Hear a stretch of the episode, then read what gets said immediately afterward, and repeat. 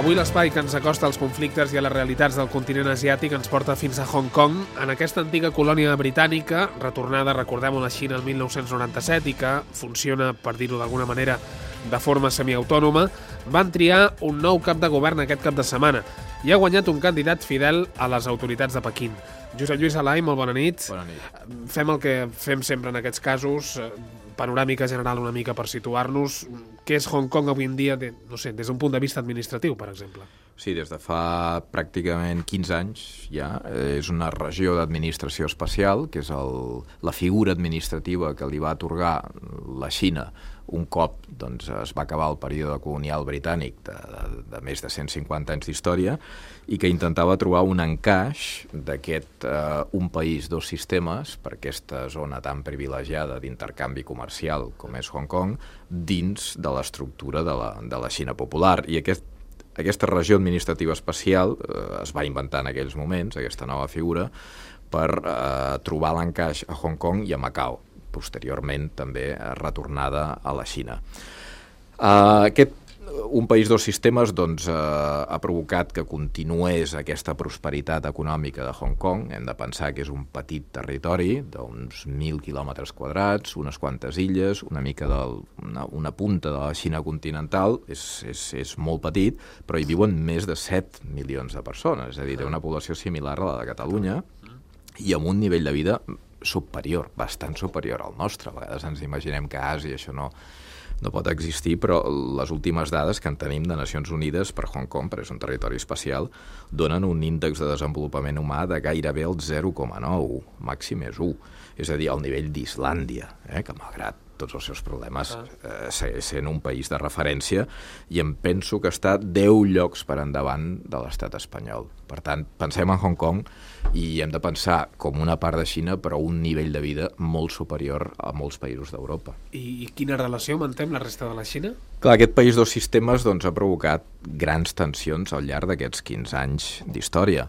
Uh, hi ha hagut, per exemple, hi ha hagut tres caps amb el que, que ara s'ha escollit recentment, tres caps de l'executiu, que és com s'anomena la figura del que dirigeix aquesta regió d'administració especial, i el primer, que va estar gairebé 10 anys en el poder, va haver de dimitir, que, que és un fet molt, molt singular, el que va és que ho van adornar, doncs a la Xina la gent normalment mai dimiteix, eh? té problemes de salut, o directament el cessa el partit, però normalment no dimiteix, en el seu cas van argumentar problemes de salut, era en Tung Chi-hua, eh, que va ser el primer cap de l'executiu, i va dimitir precisament perquè la gent a Hong Kong es va revoltar a través de manifestacions quan la Xina va voler eh, imposar lleis restrictives per la llibertat d'expressió. És a dir, forma part de la Xina, Uh, teòricament, però s'administra realment, en aquest cas, de forma molt autònoma, si ho comparem amb altres territoris de la Xina, i, a, a més a més, sí que manté un gran respecte per tot el que és llibertat d'expressió, llibertat de premsa, que en aquest cas funciona d'una forma mm, rotundament diferent a la Xina. També funciona diferent el moviment de persones, és a dir, els xinesos de la República Popular no són totalment lliures de viatjar a Hong Kong, sinó que necessiten tot un seguit de permisos especials. I els ciutadans de Hong Kong necessiten visats per entrar a la Xina. Uh -huh. Per tant, eh, es manté una frontera real.